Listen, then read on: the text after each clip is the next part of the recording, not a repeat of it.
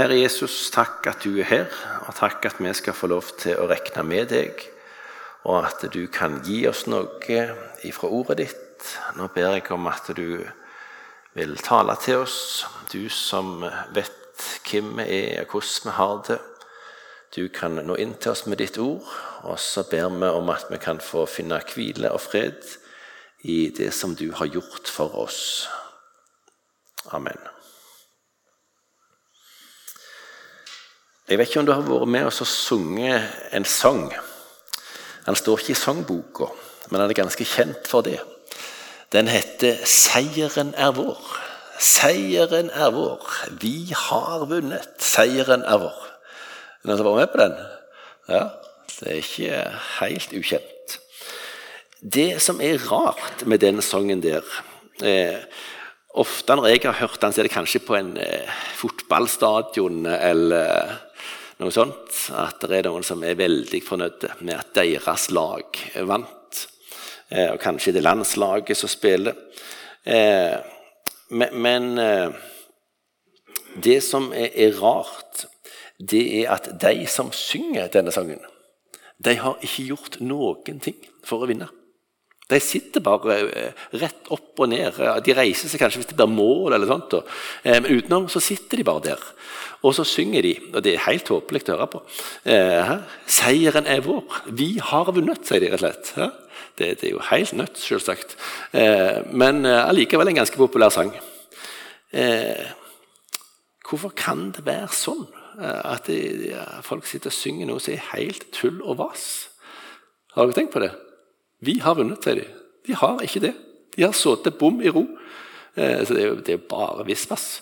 Eh, allikevel en veldig populær sang. Hvis det skal være sant, det de synger, så må det bety at de som er på banen, de som faktisk vant, representerer de som er på tribunen.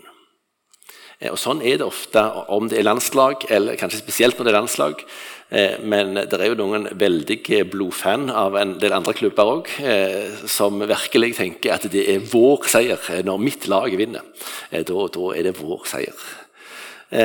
Og, og de, vi mener det når vi synger 'Seieren er vår'.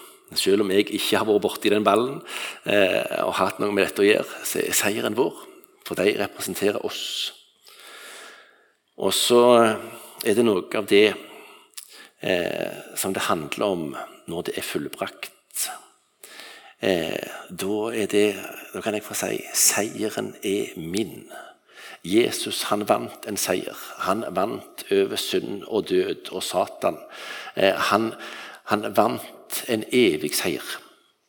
Og jeg kan synge med full hals, og det er ikke tull når jeg sier 'den er min'. Fordi Jesus vant den for meg. Han representerte meg. Eh, han var der i min stad eh, og sonte min synd. Jeg forteller av og til noen historier fra min lystige heim. Eh, og De gjentar jeg, sånn at det er en viss fare for at noen av dere kan ha hørt dette før. Men de er så gode at jeg forteller dem igjen og igjen. Ja, ja. Det vil nå tiden vise om dere syns det. Men iallfall så var det minstemann hos meg. Han hadde begynt på dette eh, noe eh, fantastiske spill som heter fotball. Eh, og eh, han kom veldig begeistra hjem eh, fra sin første trening. Eh, da hadde de delt inn i lag og greier, og jeg tror han hadde vunnet noe sånt som 18-2 med sitt lag. og det var jo, Han var helt i hundre der med kveldsen. Eh, og så hadde han noen eldre brødre som da kom med det litt kinkige spørsmålet Hvor mange skårte du? Eh, så satt han og tenkte ei hele stund. Før han klarte å ro seg i land. Han hadde ikke skåret noen mål. Eh, men det som han sa, det syns jeg var egentlig veldig bra. Han sa de andre skårte for meg. Eh, og jeg var på det seirende lag. Jeg kan juble fordi at vi vant så mye, selv om ikke jeg skåret et eneste mål. De andre skårte for meg. Når Jesus ropte ut 'Det er fullbrakt', da var de og mi frelse vunnet. Da hadde han sona synda vår. Da hadde han vunnet oss retten til å være Guds barn. Han hadde tatt vekk alt det som hindra oss i å kunne stå for en hellig Gud med løfta blikk. Av og til så Kanskje ikke så ofte vi, gjør det, men, men, før så var det ikke så uvanlig at hvis en traff en, eh, en annen som var en kristen i en eller annen sammenheng, da ville en kanskje spørre når ble du frelst. da? Eh, eller hvordan ble du frelst? Eller, hva, hva. Eh, så var det litt spørsmål om det.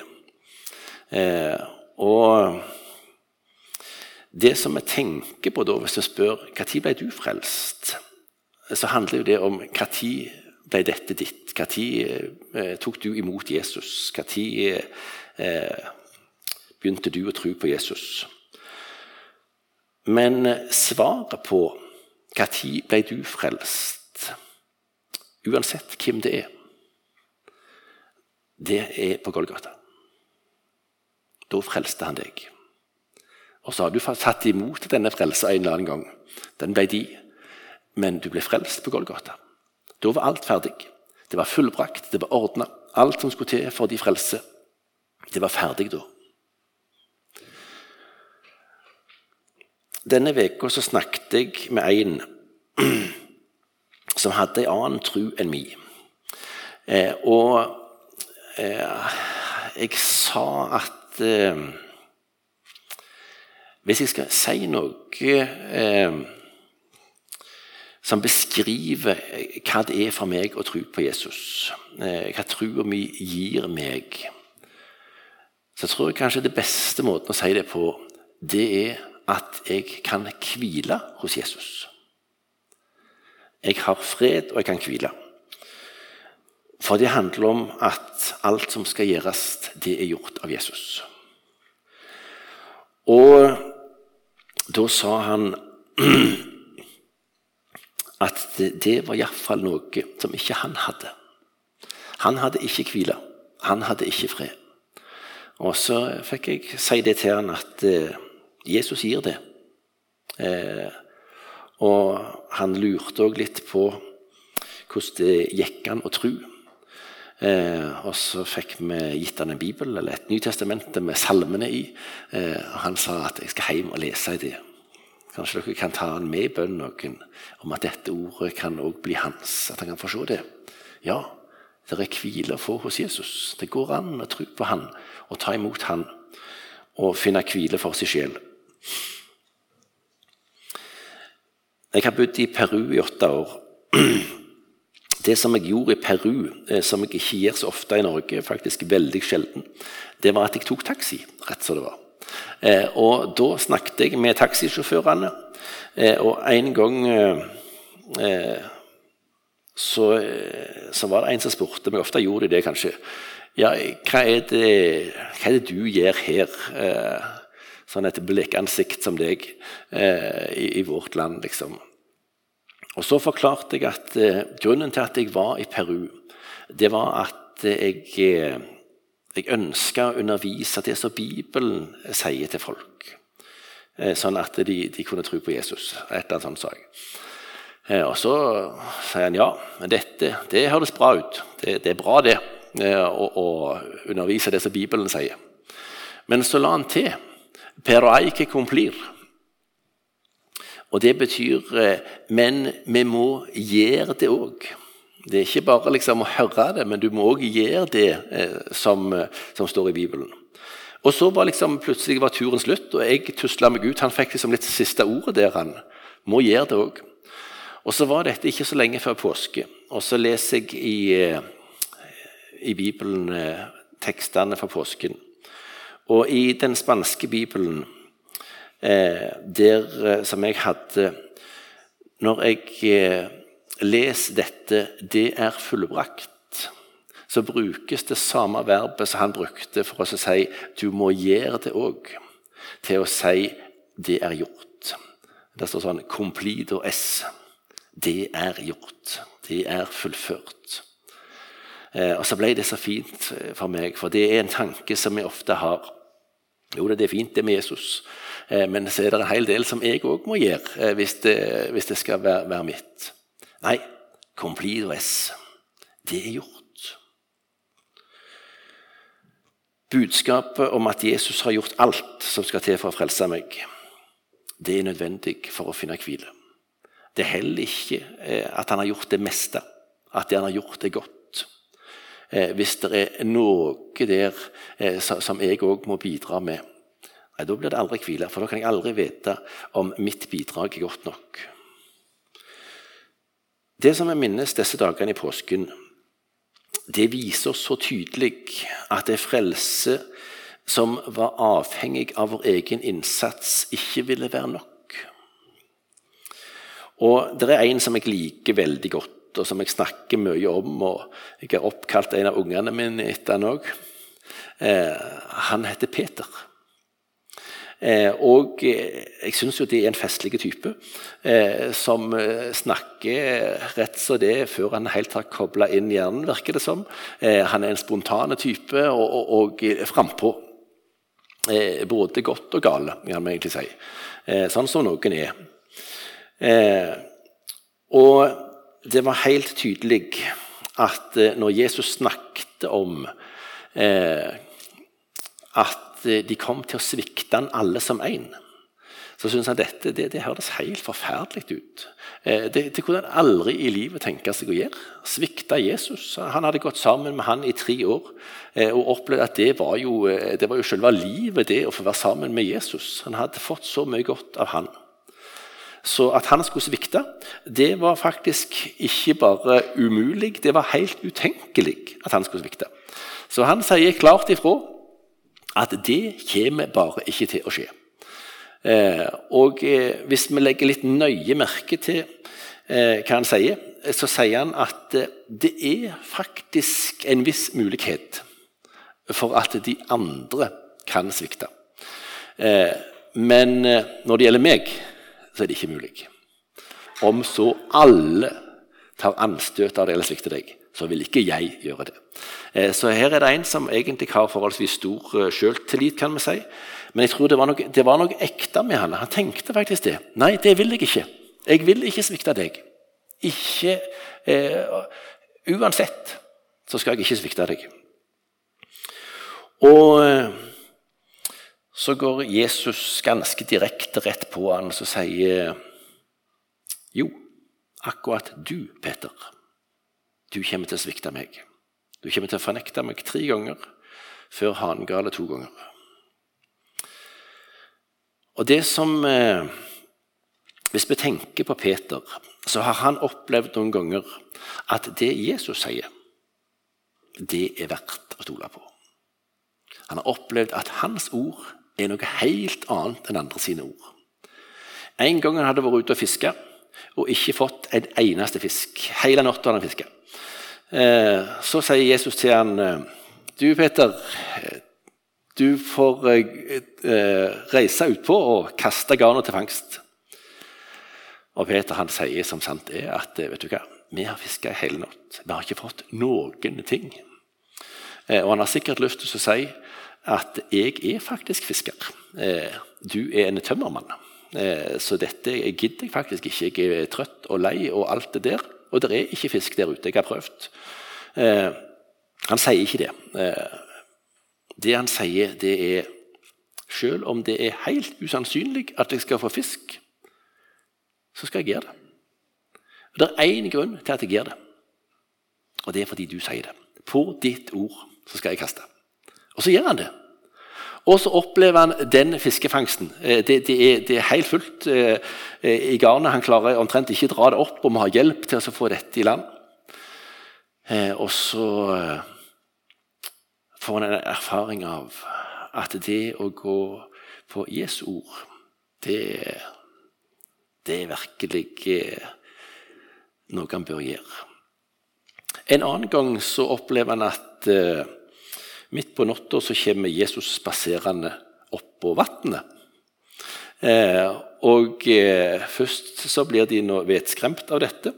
Men Peter han besinner seg raskt og er frampå og sier hvis det virkelig er deg, Jesus, så kan du vel bare si til meg at jeg òg kan gå på vannet. Eh, går ikke det bra? Og Da får han et litt merkelig valg. Fordi Jesus han sier 'kom'. Og han står trygt i båten og vet at det er aldeles spinn umulig å gå på vannet. Selvsagt er det det. Eh, det har han sikkert prøvd mange ganger, eh, men det har aldri virka. Men nå har Jesus sagt 'kom'. Og Jeg vet ikke om du har sett for deg Peter da, eh, hvordan han står og funderer. Skal jeg trø uti? Skal jeg drite meg ut for å få i de andre her? Jeg kan tro han kan gå på vannet. Det er jo helt sprøtt. Ingen sier det. Men Jesus hadde sagt noe. For Jesu ord trør han ut, og han går opp på vannet. Han har erfart noen ganger at på Jesu ord eh, Det kan han virkelig gå på. Det kan han tro på. Det kan han stole på. Mer enn noen andre. Men akkurat nå, når Jesus sier 'du kommer til å svikte meg, fornekte meg', da har Peter glemt alt dette. Eh, for da sier han, 'Vet du hva? Om jeg så må dø, så skal jeg ikke svikte deg.' Det skjer ikke. Ikke tale om. Nei, det gir jeg bare ikke. Og med denne forsikringa så går de først til Getsemane. Jesus sier til dem, 'Jeg trenger at dere er med meg i bønna.' At dere våker og ber sammen med meg, for dette er min tyngste natt. Og så kommer han tilbake etter han har vært i bønnekampen. Og så sier han til Peter, 'Simon, sover du?' Og så slår han ansiktet sitt skamfullt ned. Ja, han gjorde det. Han sovna når han skulle våke.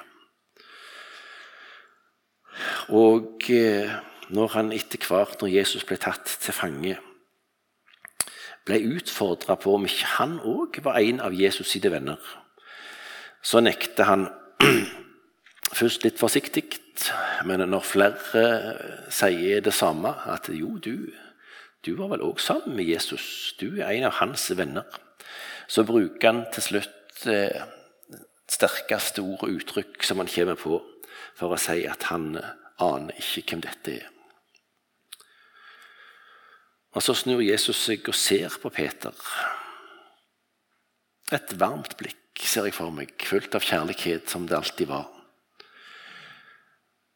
Og Det får Peter til å knekke i sammen.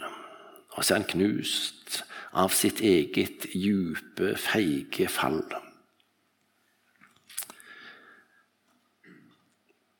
Og, eh, og, det er på en måte så enormt ydmykende eh, når han har lovt med så sterke ord. Kan hende du òg har vært i en sånn situasjon at du, du, har kjent deg sterk. Kanskje har du fått et nytt møte med Jesus, og så, eh, så har du gitt noen løfter at fra nå av nå skal det bli annerledes med meg, med mitt kristenliv. Nå skal det bli eh, virkelig gang på både bibel og bønn og vitnetjeneste. Eh, nå skal det virkelig vise at jeg hører Jesus til. Og så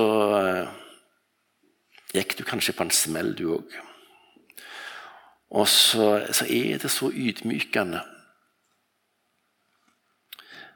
Jeg har sagt det mange ganger at det er det er ingen menneske som har skuffa meg så inderlig som meg sjøl. Det er det ikke. Jeg har, tenkt òg, sånn som Peter, godt om meg sjøl og min egen styrke og, og min, min, egen viljestyrke, og hva det nå skal være. Eh, og så har jeg gått på noen smeller. Og eh, det er ikke noe kjekt. Men jeg tror det kan være nyttig. Det er ingen god følelse å bli knust. Men eh, Bibelen sier noe ganske spesielt om de knuste hjerter. Det står om Gud at han, han bor i det høye og i det hellige. Og så bor han hos de med knuste hjerter. Og jeg tror at eh, Peter han visste veldig godt når han gikk ut og gråt bittert at hvis, eh, hvis min frelse er avhengig av eh, meg, min egen innsats, min egen viljestyrke, det jeg kan bidra med, da ligger jeg veldig dårlig an. Da tror jeg ikke det nytter for meg. Da når jeg aldri fram.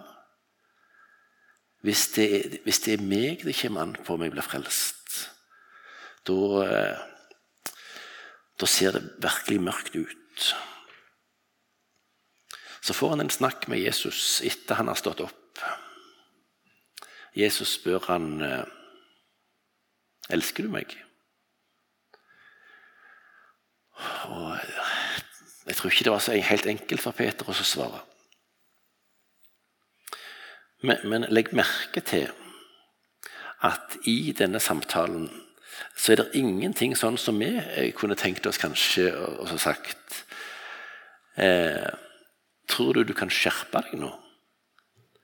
Tror du du kan gjøre det bedre neste gang?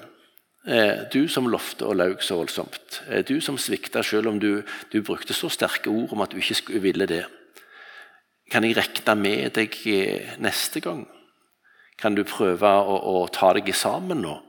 Eh, sånn at eh, jeg virkelig kan se at det er tak i deg. Ingenting av det. Men det han spør om, er Er du glad i meg? Det er det eneste han spør om. Er du glad i meg? Og Legg merke til hva det handler om. Eh, for det når rett inn til hjertet. det. Det er der Jesus vil. Om du er glad i meg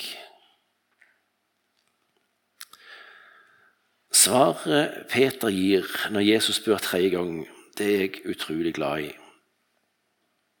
Herre, du vet alt.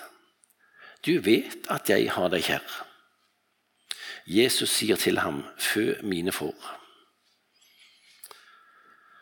Herre, du vet alt. Og det er sant, det. Eh, og det er veldig få ting jeg er så glad for som at Jesus vet alt. Absolutt alt. Og eh, i en sang så synger vi det Du visste alt om meg før du meg kalla, og ga meg plass ved nådens rike bord. Jeg tror kanskje at noen av oss har eh, tenkt sånn etter at vi har blitt skuffa over oss sjøl. Etter at vi har innsett noe mer av hva som bor i vårt eget hjerte. Så har vi kunnet tenke sånn Hvis Jesus visste hvem jeg var, hvordan jeg virkelig var, eh, så er det ikke sikkert at han eh, hadde brydd seg om å kalle meg til å følge han. Men det er nettopp det han gjorde. Han visste alt. Han visste akkurat hvordan du var bedre enn deg sjøl. Likevel så kalte han, Herre, du vet alt. Du vet at jeg ikke ville svikte, at jeg svikta så, så grovt allikevel. Og så vet du òg at etter mitt dype fall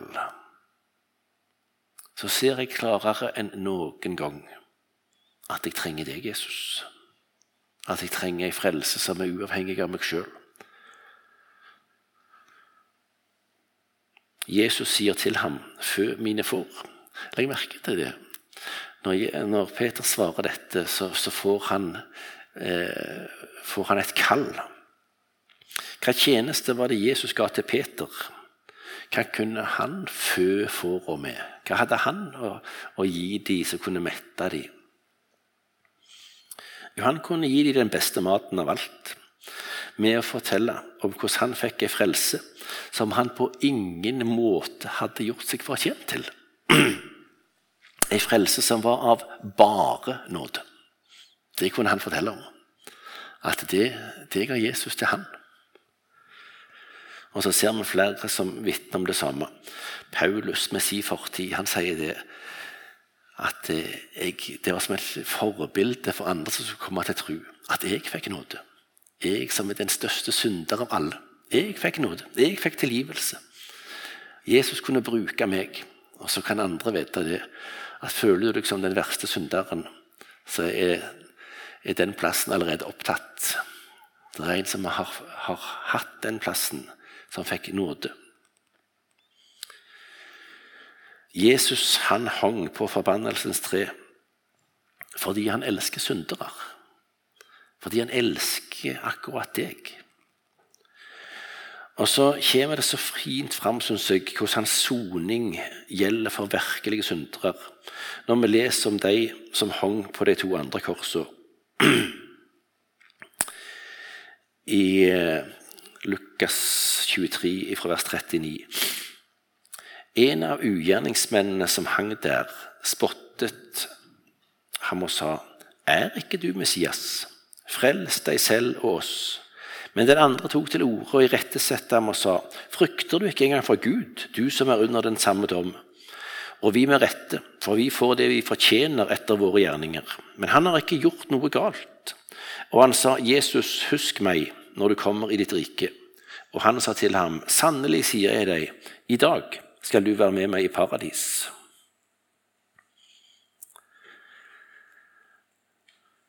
Denne forbryteren han fikk oppleve det som vi kan lese om i Romerbrevet 10. Hver den som påkaller Herrens navn, skal bli frelst. Av og til så syns vi noen av disse løftene i Bibelen de er litt vel åpne. nesten. For hver den som påkaller Herrens navn, han skal bli frelst. Sånn står det. Og så var det en som fikk oppleve akkurat det. Og jeg vet ikke om du har tenkt på han her som, som uh, henger der først. Er det kameraten som sier ja, er du virkelig Messias, så kan du vel frelse både deg sjøl og oss. Men så er det en eh, som irettesetter han og sier frykter du ikke engang for Gud, du som er under den samme dom. Og vi henger her pga. vårt eget liv. Vi har gjort oss fortjent denne straffa. Det har ikke han. Og eh, han har ikke gjort noe galt, sier han. Og så eh, sier han, 'Jesus, husk meg når du kommer i ditt rike'. Jeg vet ikke om det er noen som har gått på sånn evangeliseringskurs. Eh, da hender det at det, det er leksjon òg i hvordan du skal be frelsesbønn med noen. Er det noen som har hatt denne her? 'Husk på meg når du kommer i ditt rike'. Nei, nei, vi syntes egentlig det var en merkelig bønn han fant på. han der. Eh, det er ikke sånn som vi, vi ville gjort det. Nei, det, det var egentlig helt eh, spesielt. Husk på meg. Nei, det, det, har jeg aldri hørt om. at noen bare sånn. Kanskje han ikke hadde noen kurs i å be. Kanskje han aldri hadde bedt før heller. Men det var et hjerte som ba. Det var et hjerte som ropte til Jesus. Han påkalte han. 'Jesus, kan du tenke på meg?' Og så betalte Jesus prisen det kosta for å gi frelse til syndere som på ingen som helst måte kan frelse seg sjøl.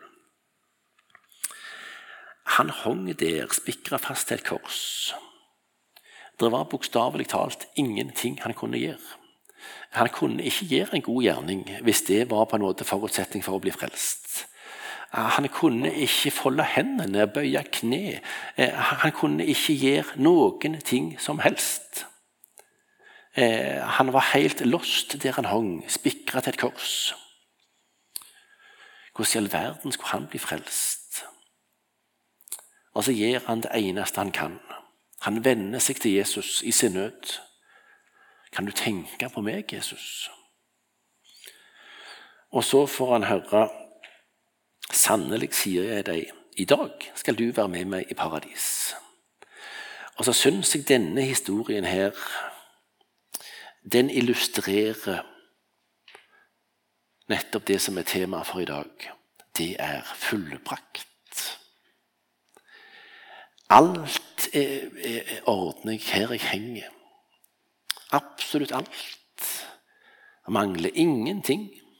Det er ingenting du må bidra med. Dette kan du få hvis du venner deg til meg. Hvem som helst kan bli frelst, som til Gud sier venner.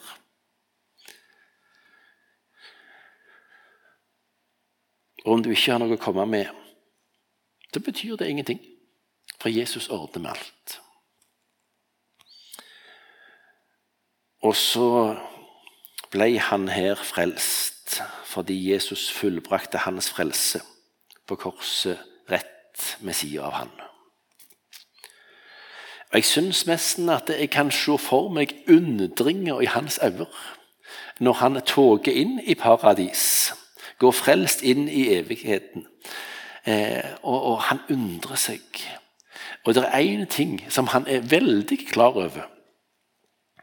Dette her, det fikk jeg ikke fordi jeg hadde fortjent det.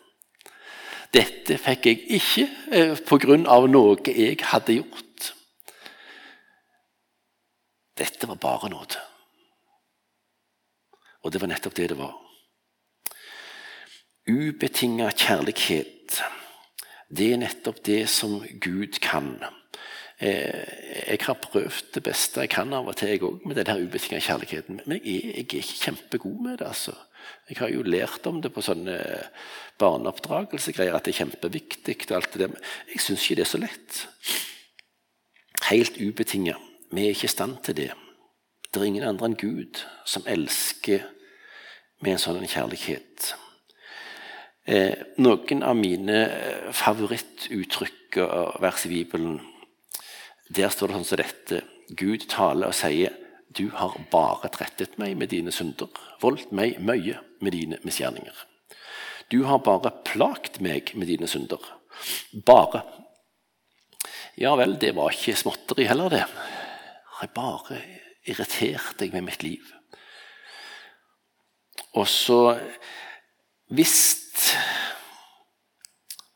hvis det er sånn at det er noen som bare irriterer, bare plager, så vil jo det naturlige være og Når vi nå tenker på Gud, så vil det naturlige være deg kan jeg dessverre ikke ha noen ting med å gjøre. Kom deg langt vekk fra meg. Jeg vil ikke se deg fra mine øyne. Eh, dette er umulig. Eh, veldig dårlig match. Litt sånn kan vi tenke. Dette nytter ikke. Kan du, kan du komme deg langt vekk fra meg? Du bare irriterer. Det er sånn menneskelig eh, ting. Sånn, sånn ville vi reagert på en som bare plager oss. Men så kommer denne ubetinga kjærligheten. For det som Gud sier rett etter dette, det er ikke 'kom deg langt vekk', men det er dette. Jeg, jeg er den som utsletter dine misgjerninger for min skyld.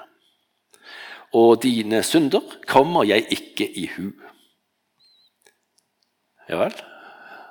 Sånn er det. Du har bare irritert meg med dine synder misgjerninger. Men jeg, jeg, sletter det bare ut. Jeg. jeg tar vekk alt. Jeg sletter ut alt. Vi, det, det, legger vi bak oss. Jeg, det tenker jeg ikke mer på. Det glemmer vi. Er det grei deal for deg, eller? Hæ? Høres greit ut? Kanskje ikke helt rettferdig, sånn som jeg ser det, men det er jo en god deal for meg. må jeg si. Ja, den jeg er enig med deg. Vi gjør det sånn. Sletta ut. Hva står det om når Jesus dør? Det skyldbrevet som anklaga oss, det var skrevet med lovens bud. Det tok han bort da han naglet det til korset. Hele skyldbrevet.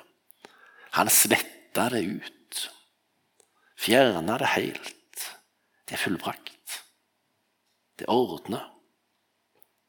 Det blir ikke huska mer. Dette budskapet er det viktigste som fins. Det er selve frelseskrafta fra Gud. Ord om det Jesus har gjort. Det hørte vi til åpning òg. Lever du i dette? Gleder det hjertet ditt? Jeg tror faktisk at det er ganske mange trøtte kristne som har mista gleden gleden i hjertet sitt. Og det er pga. at det er et lite ord som har kommet inn. Det har fått sneke seg inn i evangeliet sitt herlige budskap. Og det er sånn som dette. Da er det ikke det er fullbrakt. Hva er det som er lagt til der? Det er fullbrakt, men det ødelegger alt. Hvis det ikke er utropstegn bak det fullbrakt, eller iallfall punktum. Det er fullbrakt, men Men jeg skulle vært et bedre vitne i hverdagen. Men jeg skulle ha bedt mer. Men jeg skulle ha vært uh, flittigere med bibellesing. Men uh, jeg vet ikke om jeg tror godt nok. Det er fullbrakt, men uh, jeg vet ikke om jeg kan angre den synda mi alvorlig nok, egentlig. Men jeg vet egentlig ikke om Så kan det være alle mulige ting som du kan ha bak det mennet der og så ødelegger det, så tåkelegger det, så gjør det på en måte det gjør det usikkert, hele forholdet til Gud. Eh, fordi at du får ikke glede deg over at ingen anklage for noe kan ødelegge det Jesus har gjort. Uansett hva som står bak ditt men, få det vekk. Ta det vekk, fjern det. La jeg aldri få høre om det igjen. Jeg vil ikke høre et eneste men bak det er fullbrakt. Det er fullbrakt! Utropstegn halleluja. Det passer. Eh, men ikke noe annet. Det, for hvis det blir sånn at de tro, de bønn, din anger, din bekjennelse, de bibellesing eh, Uansett hva det står, så tar det glede ifra deg.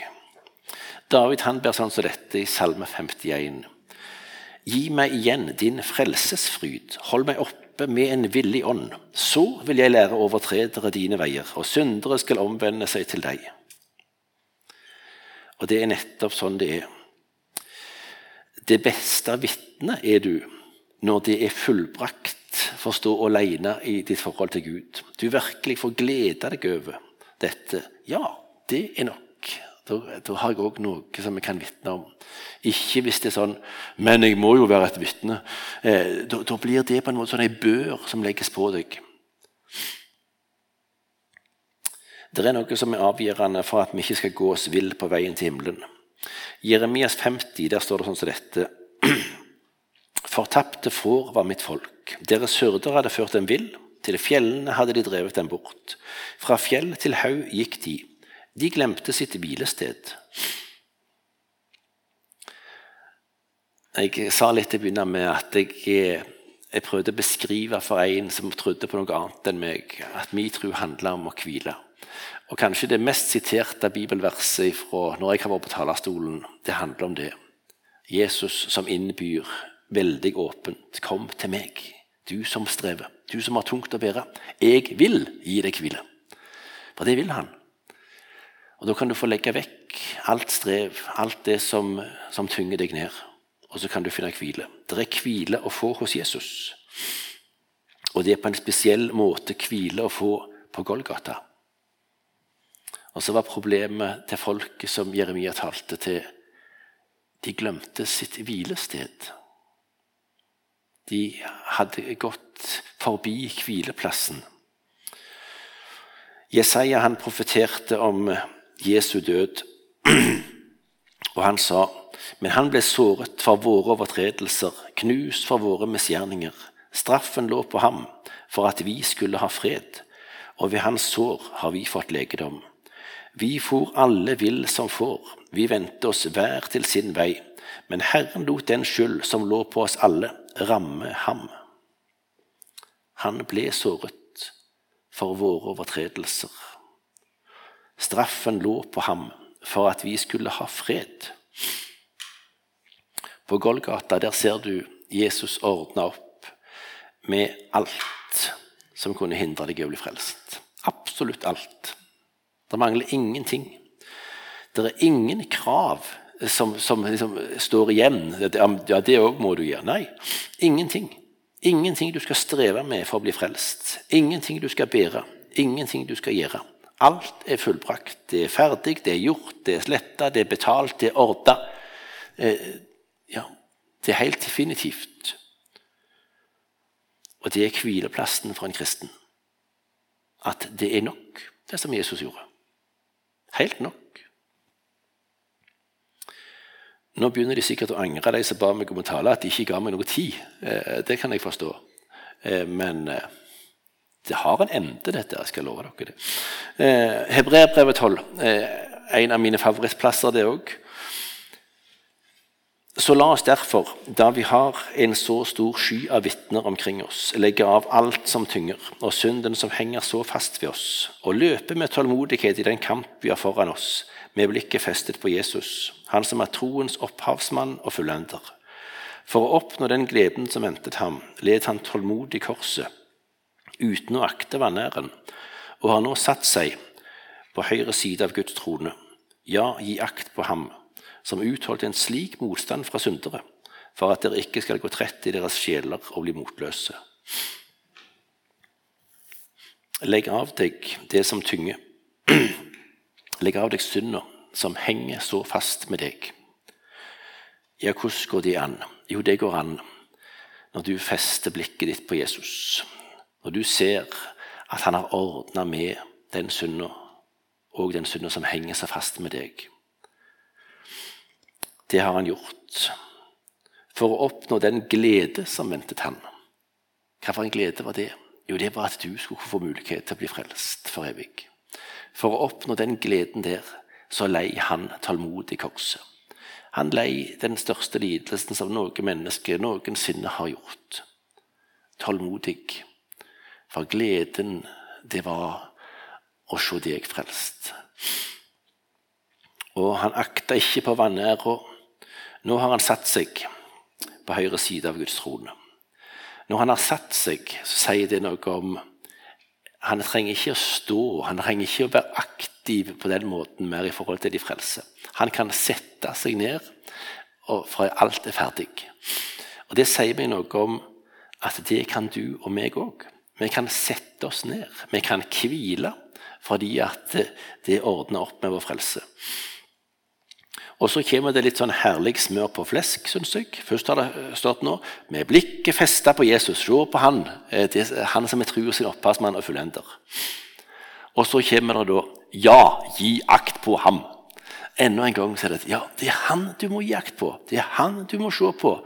Det er han eh, du trenger å, å fokusere på. Som utholdt en slik motstand fra syndere, for at dere ikke skal gå trett i deres sjeler og bli motløse. Ja, gi akt på Han. Det er fullbrakt. Han ordna det for deg. Der kan du finne hvile, der kan du finne fred. Jeg skal lese litt av en gammel sang til slutt. Når blodet da virket så kraftig hos Gud, at han lot seg evig forsone, og derfor alene vil ta deg til brud og gi deg den himmelske krone, så la du deg dermed òg nøye. Ja, blodet som rant, det har rundet for deg. Gud godtok det offer han brakte. Det gjelder for alle, for deg som for meg. For oss var det døden han smakte. Rettferdige er vi i Jesus. Kjære Jesus, takk for eh, at du vant en seier som vi skal få lov til å regne for vår.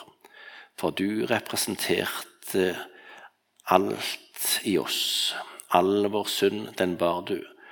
Alt det som, eh, som vi kan skjemmes over, det ordna du opp med. Takk for at du har betalt hele regningen. Takk for at det er hvile å få med å stole på deg, med å få høre dette ordet om det som du gjorde.